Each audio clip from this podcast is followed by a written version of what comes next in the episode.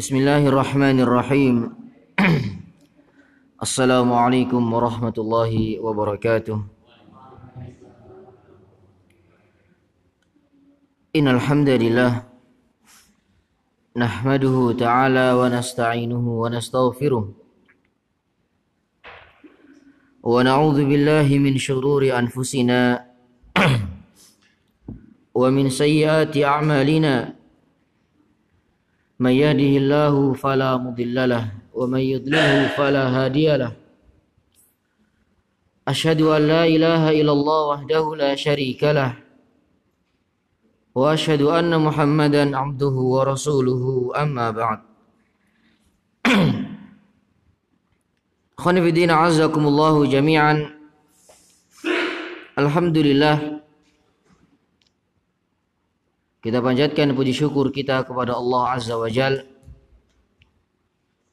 yang telah kembali mengumpulkan kita semuanya di Masjidil Mubarak di sebuah masjid yang mubarak. Yang kita berdoa kepada Allah Azza wa Jal ayyan fa'abihi al-islam wal muslimin agar Allah Subhanahu wa taala memberikan kemanfaatan dengan adanya masjid ini lil Islam walil muslimin untuk agama Islam dan juga untuk kaum muslimin. Akhwani fi din jami'an. Faya insyaallah kita akan membaca kitab Taharah dari kitab Fiqh Al-Muyassar dari ringkasan kitab Al-Fiqh Perkara ini khonifidin azani wa azakumullah adalah sebuah perkara yang sangat penting. Sebuah ilmu yang wajib untuk dipelajari oleh kita semuanya. Sebagaimana yang dikatakan oleh para ulama adalah ilmu ma yakumu bihi dinu. Adalah di antara ilmu yang dengannya menjadi tegak agama seseorang. Tanpa mempelajari ilmu tersebut seseorang tidak akan bisa beribadah kepada Allah Subhanahu wa taala dengan baik dan benar. Tanpa mengkaji ilmu tersebut seseorang tidak akan mampu untuk menjalankan syariat-syariat Islam sesuai dengan apa yang telah diajarkan oleh Rasulullah sallallahu alaihi wa ala alihi wasallam. Ilmu tersebut barakallahu fikum adalah ilmu yang sangat penting. Adalah sebuah ilmu yang sangat penting yang di sana membahas tentang syarat-syarat ibadah, tata cara-tata cara seseorang dalam beribadah, rukun-rukun dalam beribadah, amalan-amalan yang diwajibkan sebelum, saat atau sesudah ibadah, dan amalan-amalan yang lainnya. Khonifuddin azani wa azakumullahu jami'an. Sebagaimana Rasulullah Shallallahu Alaihi wa ala alihi Wasallam telah menyatakan di dalam hadisnya, "Mayyuridillahu bihi khaira yufaqihu fid din." Barang siapa yang Allah Subhanahu wa taala kehendaki kebaikan untuknya, maka Allah akan fakihkan dia dalam agamanya. Allah Subhanahu wa taala akan fakihkan dia dalam agamanya. Al-fiqh sendiri barakallahu fikum maknanya adalah al-faham yakni pemahaman. Apa yang dimaksud di sini ialah pemahaman seputar hukum-hukum ibadah, amalan-amalan yang menyakup segala macam jenis-jenis ibadah dari yang paling utama toharoh sampai amalan-amalan yang menyertainya. Disebutkan tentang di sana barakallahu fikum tentang salat, tentang puasa, tentang zakat, tentang haji. Demikian pula barakallahu fikum tentang kitab An-Nikah. Demikian pula tentang kitab Al-Hudud. Yakni kitab Barakallahu fikum hukuman-hukuman had. Demikian pula kitab muamalah dalam hal al-buyu jual beli dan masih banyak lagi. Khonifidin azani wa azakumullahu jami'an. Baik insyaallah kita langsung masuk ke dalam pembahasan. Qala kitab at-taharah Kitab at-taharah. Kitab bersuci. Di dalam kitab taharah ini ada 10 bab. Ada 10 bab. Penulis rahimahullahu taala memulai dari kita bersuci tujuannya. Maksudnya ingin menjelaskan kepada kita semuanya bahwasannya dalam segala macam bentuk ibadah kepada Allah Subhanahu wa taala seorang hamba dituntut untuk bersih dalam pakaiannya, bersih dalam badannya, bersih dalam dirinya dan bersih dalam hal segala-galanya. Suatu contoh barakallahu fikum semisal ketika seorang hendak salat dan ini menunjukkan tentang salah satu kesempurnaan agama al-Islam. Seorang ketika hendak sholat disyariatkan untuk berwudu terlebih dahulu. Disyariatkan untuk berwudu bersuci terlebih dahulu. Demikian pula ketika tilawatul Quran, ketika membaca Al-Quran ataupun amalan-amalan yang lainnya yang mengharuskan kita untuk berwudu ketika mengerjakannya. Demikian pula untuk sholat misalnya. Dituntut bagi kita semuanya untuk memperbaiki pakaian-pakaian kita, sucinya pakaian-pakaian kita dari berbagai macam hadas. Dari berbagai macam barakallahu fikum kotoran-kotoran. Baik itu kotoran yang besar maupun kotoran-kotoran yang kecil. Baik itu najis-najis yang besar, hadas yang besar ataupun hadas yang kecil. Oleh karena ini Allah Subhanahu wa taala berfirman di dalam Al-A'raf Allah Subhanahu wa taala berfirman ya bani Adam khudhu zinatakum 'inda kulli masjid Wahai bani Adam wahai manusia perbaikilah pakaian-pakaian kalian perindahlah perbaguslah pakaian-pakaian kalian ketika kalian mendatangi masjid-masjid Allah Subhanahu wa taala. Allah Subhanahu wa taala memerintahkan kepada kita barakallahu fikum untuk memakai pakaian yang bagus, memakai pakaian yang rapi ataupun setidaknya pakaian yang bersih. Bersih dari kotoran, bersih dari barakallahu fikum segala noda-noda ini di antara akhlak seorang hamba kepada Allah Subhanahu wa taala dalam beribadah.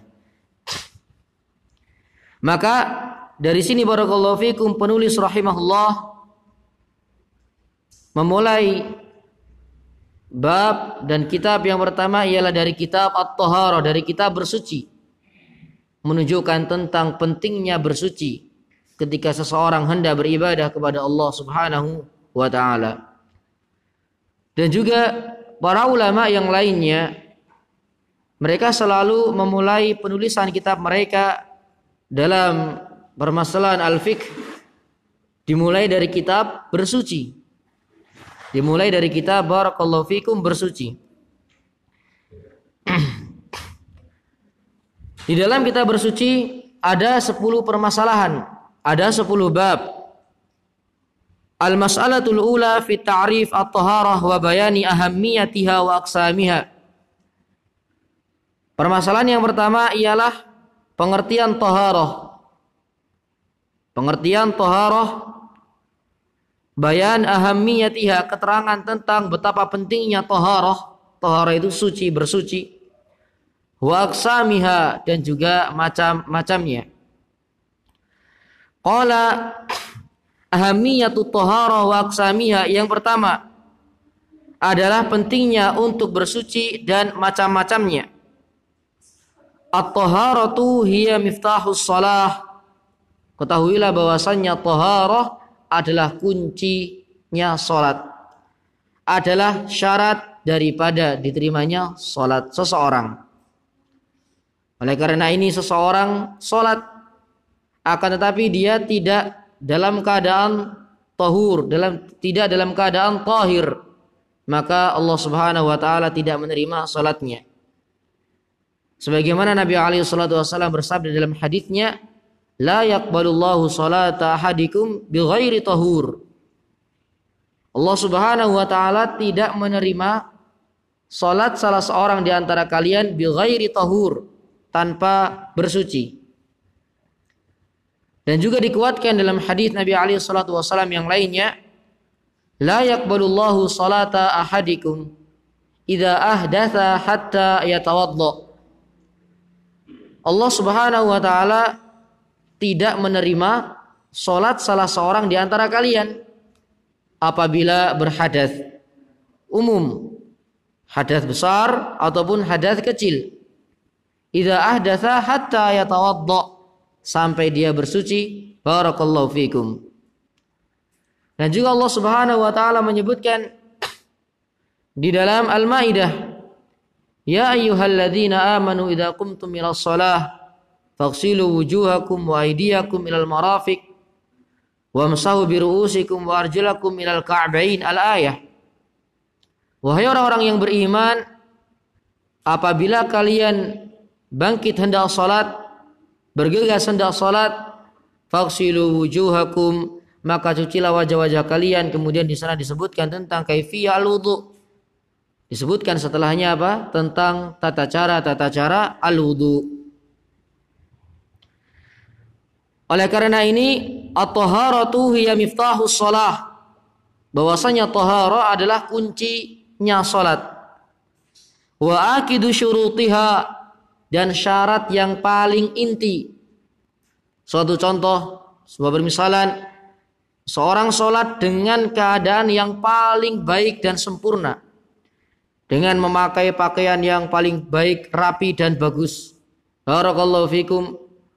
Membaca semua bacaan-bacaannya disertai dengan tumak nina dan khusyuk yang tinggi kepada Allah Azza wa Jal. Barakallahu fikum. Benar-benar tumak nina dalam solatnya. Benar-benar khusyuk dalam solatnya. Semua rukun-rukunnya dia kerjakan. Akan tetapi dia dalam keadaan berhadas akan tetapi dia dalam keadaan barakallahu fikum misalnya hadas akbar setelah mendatangi keluarga misalnya ataupun barakallahu fikum mengeluarkan angin dari barakallahu fikum anggota tubuhnya maka yang demikian ini Allah Subhanahu wa taala tidak menerima salatnya kecuali jika dia berwudu tahur terlebih dahulu wa akidu syurutiha wa syartu la budda ay yataqaddama 'ala al-masyrut. Ini catatan yang sangat penting. Bahwasanya at-taharah adalah syarat yang paling inti. Wa syartu la budda ay yataqaddama 'ala al-masyrut dan yang namanya syarat itu harus mendahului yang disyaratkan. Yang namanya syarat al-wudu at-taharah berwudu at-taharah atau bersuci ini adalah syarat sholat dan yang namanya syarat adalah sesuatu yang di luar lingkup ibadah tersebut. Wudhu toharoh apakah bagian daripada sholat? Bukan. Akan tetapi bagian dari syarat sholat. Namun bukan bagian dari zat sholat itu sendiri. Suatu contoh demikian. Maka yang namanya syarat itu di luar barakallahu fikum rangkaian amalan dan ibadah tersebut. Yang namanya syarat ialah selain daripada ibadah tersebut adalah amalan yang menyertai dan sebelum ibadah tersebut. Wa syartu la budda ayataqaddama 'alal masyrut. Dan yang namanya syarat itu lebih dahulu daripada apa? Yang disyaratkan. Khanifidina azakumullah wa barakallahu fikum. Kemudian kita melanjutkan wa taharatu ala kismain dan at-taharah bersuci itu terbagi menjadi dua. Al-qismul awwalu taharatun ma'nawiyatun. Macam yang pertama, bagian yang pertama, toharoh yang pertama adalah toharoh ma'nawiyah secara maknawi. Toharoh bersih, bersuci secara maknawi. Wahia toharatul qalbi minasyirki wal ma'asi wa kullu ma rana alaihi. Yang pertama ialah toharoh maknawi berupa toharoh hatinya Hatinya hati yang suci. Hatinya hati yang bersih dari noda-noda kesyirikan, dari noda-noda kekufuran dan segala hal yang menodai hatinya. Dan kedua dan barakallahu fikum tohara yang pertama ini adalah tohara yang lebih penting. Kenapa bisa demikian? Suatu contoh ketika seseorang beribadah kepada Allah Subhanahu wa taala. Dia sudah bersuci secara barakallahu fikum badannya. Dia mandi barakallahu fikum, dia berwudu, memakai pakaian yang bagus semuanya dia kerjakan. Akan tetapi apa? Dia adalah seorang musyrik. Akan tetapi apa? Hatinya tidak bersih dari kekufuran. Artinya dia sebagai seorang yang kafir kepada Allah. Sebagai seorang yang kufur kepada Allah Azza wa Jal. Seorang yang kufur kepada Allah. Kemudian dia beribadah. Misal menjalankan sholat. Apakah sholatnya diterima? Tidak. Sholatnya orang tersebut apa? Tidak diterima. Sebagaimana Allah Subhanahu wa taala mengatakan di dalam ayatnya wa qadimna dan sungguh bahwasanya amalan-amalan mereka yang dikerjakan oleh orang-orang kafir fajalnahu haba'an manthura maka niscaya kami akan jadikan amalan tersebut sia-sia begitu saja. Dan juga Allah Subhanahu wa taala menyebutkan tentang Nabi alaihi salatu wasalam Rasulullah sallallahu alaihi wasallam wahai Muhammad la in asyrakta la yahbatanna amaluk. Wa takunanna minal khasirin. Wahai Muhammad kalau seandainya engkau mensekutukan Allah kalau seandainya engkau melakukan kesyirikan kepada Allah niscaya apa kata Allah? Gugur semua amalanmu. Semua amalanmu itu gugur kata Allah Subhanahu wa taala. Ketika engkau kalau seandainya engkau mensekutukan Allah Subhanahu wa taala semua amalanmu itu gugur. Semua amalanmu itu sia-sia. Dan engkau akan menjadi orang-orang yang merugi. Ini Rasulullah SAW. Maka faman dunahum bagaimana dengan selain beliau Nabi salatu wasallam.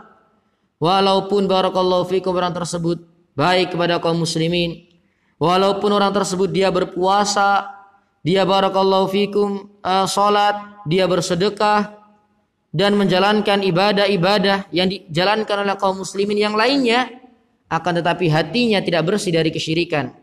Hatinya dia mensekutukan Allah Subhanahu wa taala.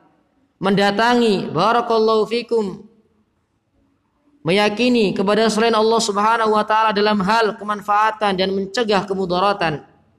Beribadah kepada berhala, patung, beribadah kepada selain Allah Subhanahu wa taala sebaik apa pun orang tersebut faja'alnahu haba'am manthura kami jadikan amalan orang tersebut sia-sia sama sekali tidak bernilai di sisi Allah Subhanahu wa taala maka dari sini tohara macam yang pertama yakni bersuci dari barakallahu fikum kesyirikan bersuci dari kemaksiatan kekufuran adalah amalan yang lebih penting daripada tohara macam yang kedua karena ini barakallahu fikum adalah inti adalah intinya at-taharah secara asal. Khonifidin azani wa azakumullahu jami'an. Kemudian beliau melanjutkan wa kullu ma alai dan segala hal yang menodai hatinya. Wa hiya ahammu min taharatil badan. Kata penulis rahimahullah dan taharah yang pertama ini ini lebih penting daripada taharah badannya, daripada taharah badannya, daripada taharah jasadnya wala yumkin an tatahaqqa taharatul badan ma'a wujud najas syirki billah subhanahu wa ta'ala. Dan tidak mungkin kata beliau tidak mungkin akan terwujudnya taharatul badan tidak mungkin akan terwujudnya badan yang bersih badan yang suci badan yang toharoh ma'wujudi najis syirk Bersama dengan itu ada pada orang tersebut najisnya kesyirikan. Sehingga sesuatu yang tidak mungkin bercampur.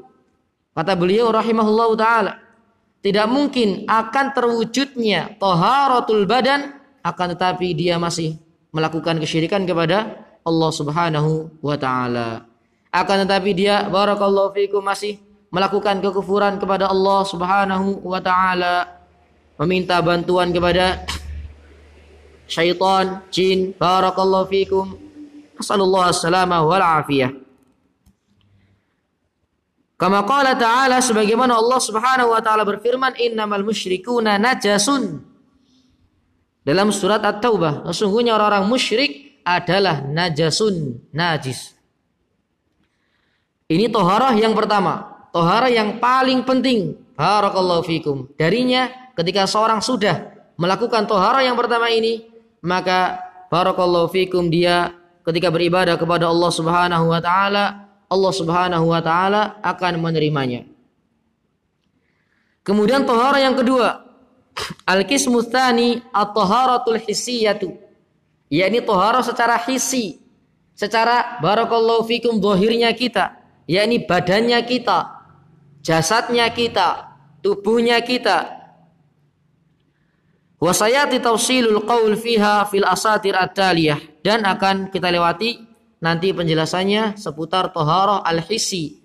Syahidnya toharatul hisi adalah toharoh badan kita. Adapun toharoh yang pertama tadi adalah toharot al-ma'nawi.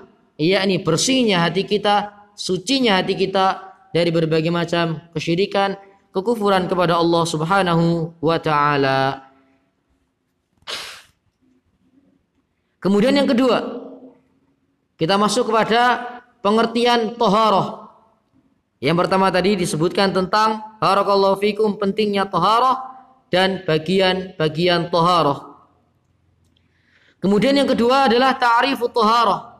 Pengertian arti daripada taharah itu sendiri. At-taharatu secara bahasa adalah an-nadhafah, yakni kebersihan. Adalah apa? Kebersihan.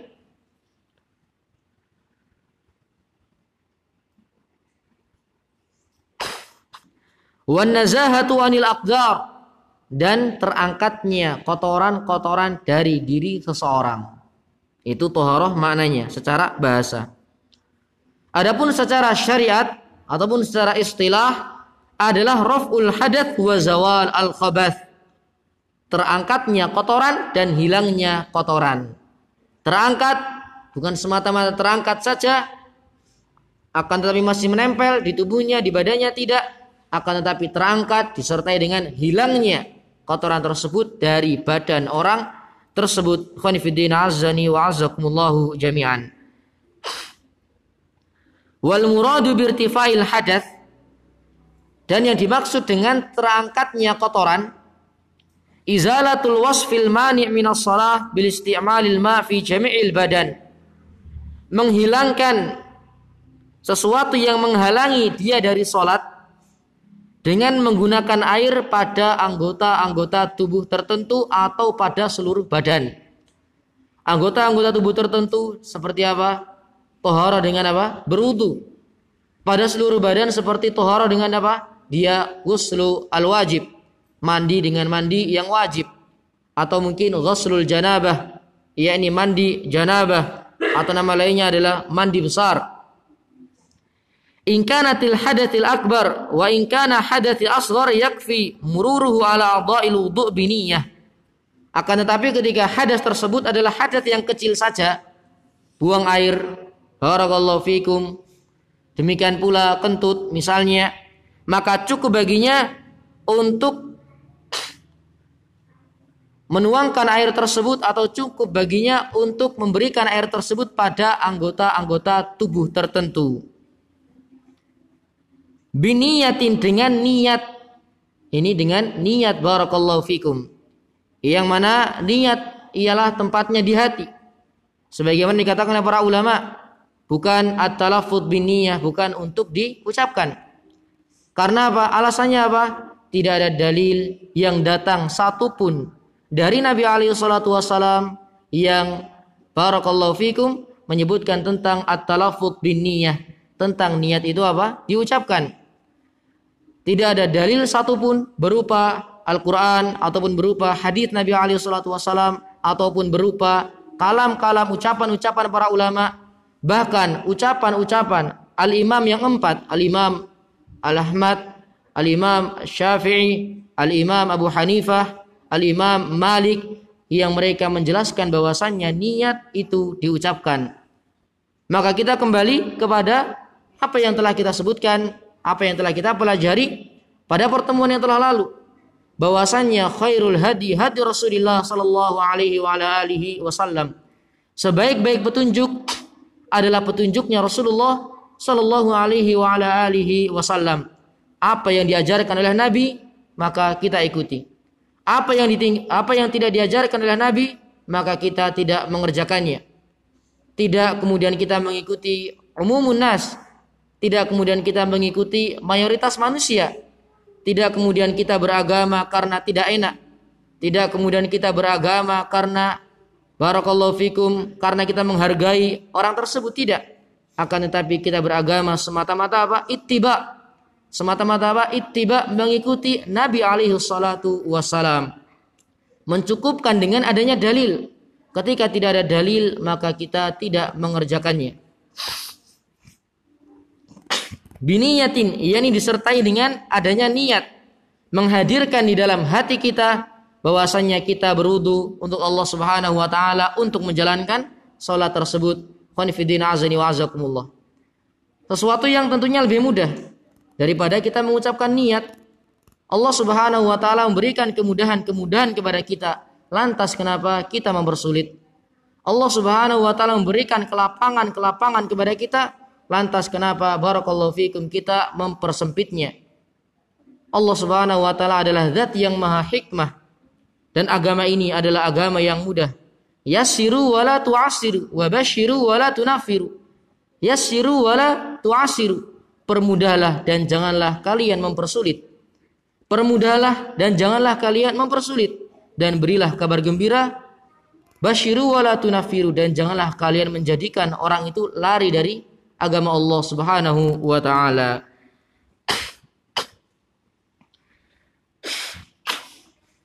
Kemudian penulis rahimahullah taala beliau melanjutkan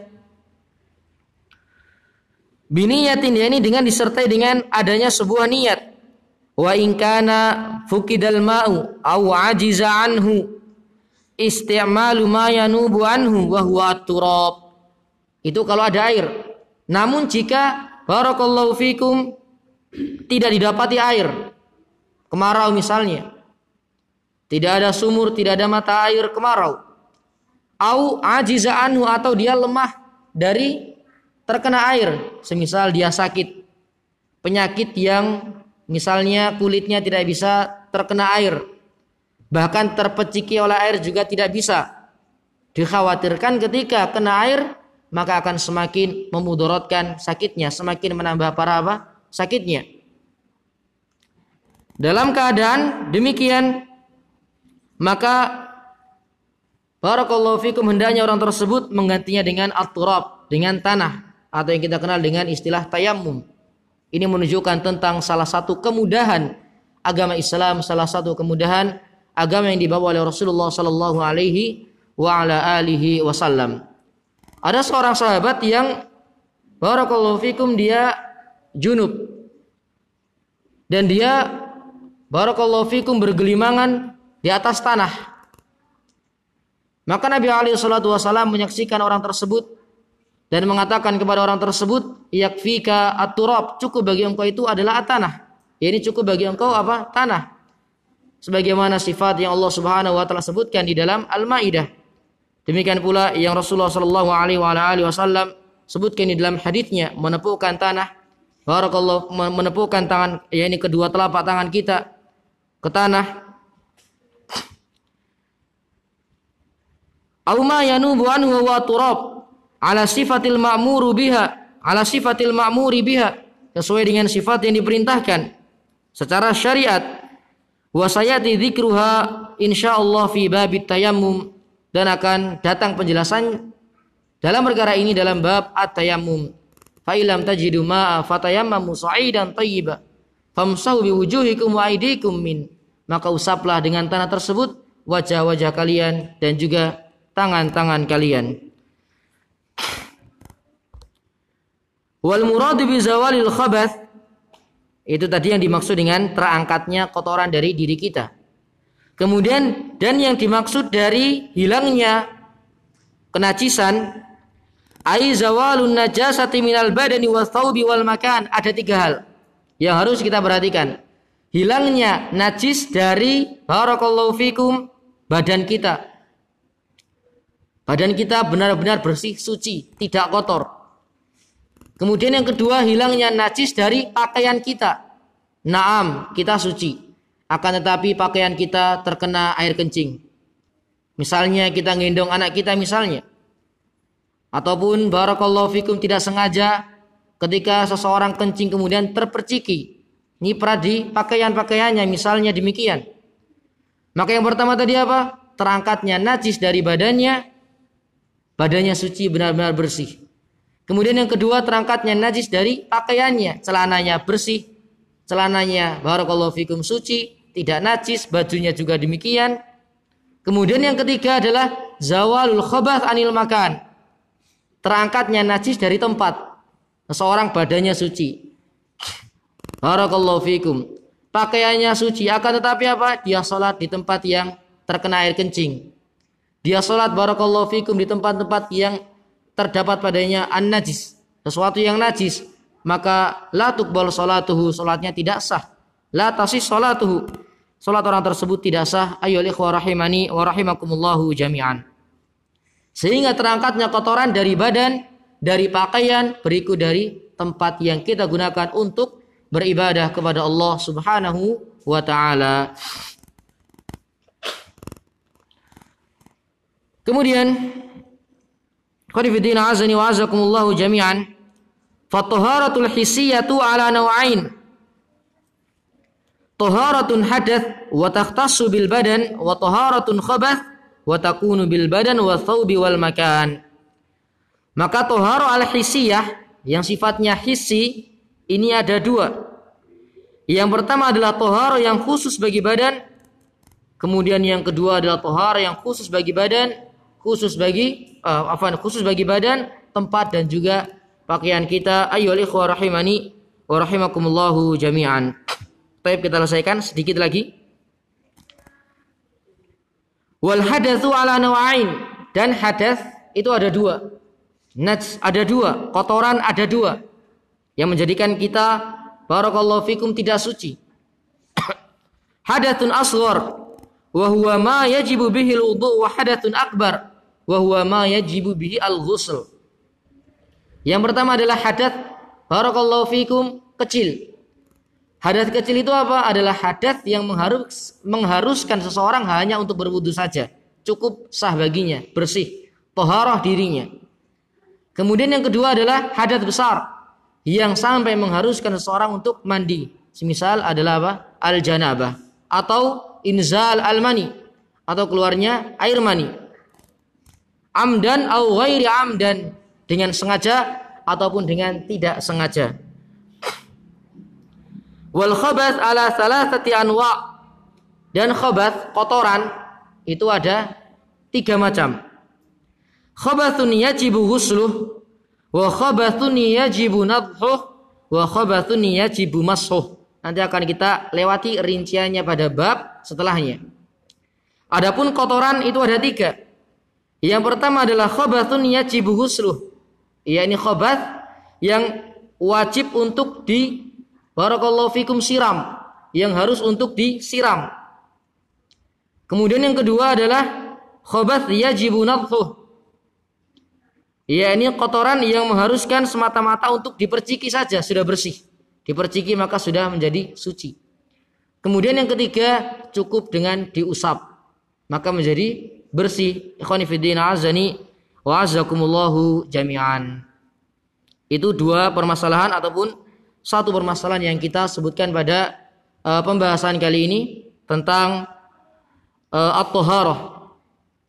Maka insyaallah pada pertemuan yang akan datang kita akan masuk pada permasalahan yang kedua, yakni alma alladzi tahsul bi at-taharah, air yang dapat digunakan untuk bersuci. Apakah semua air itu suci ataukah barakallahu fikum ada pengecualiannya?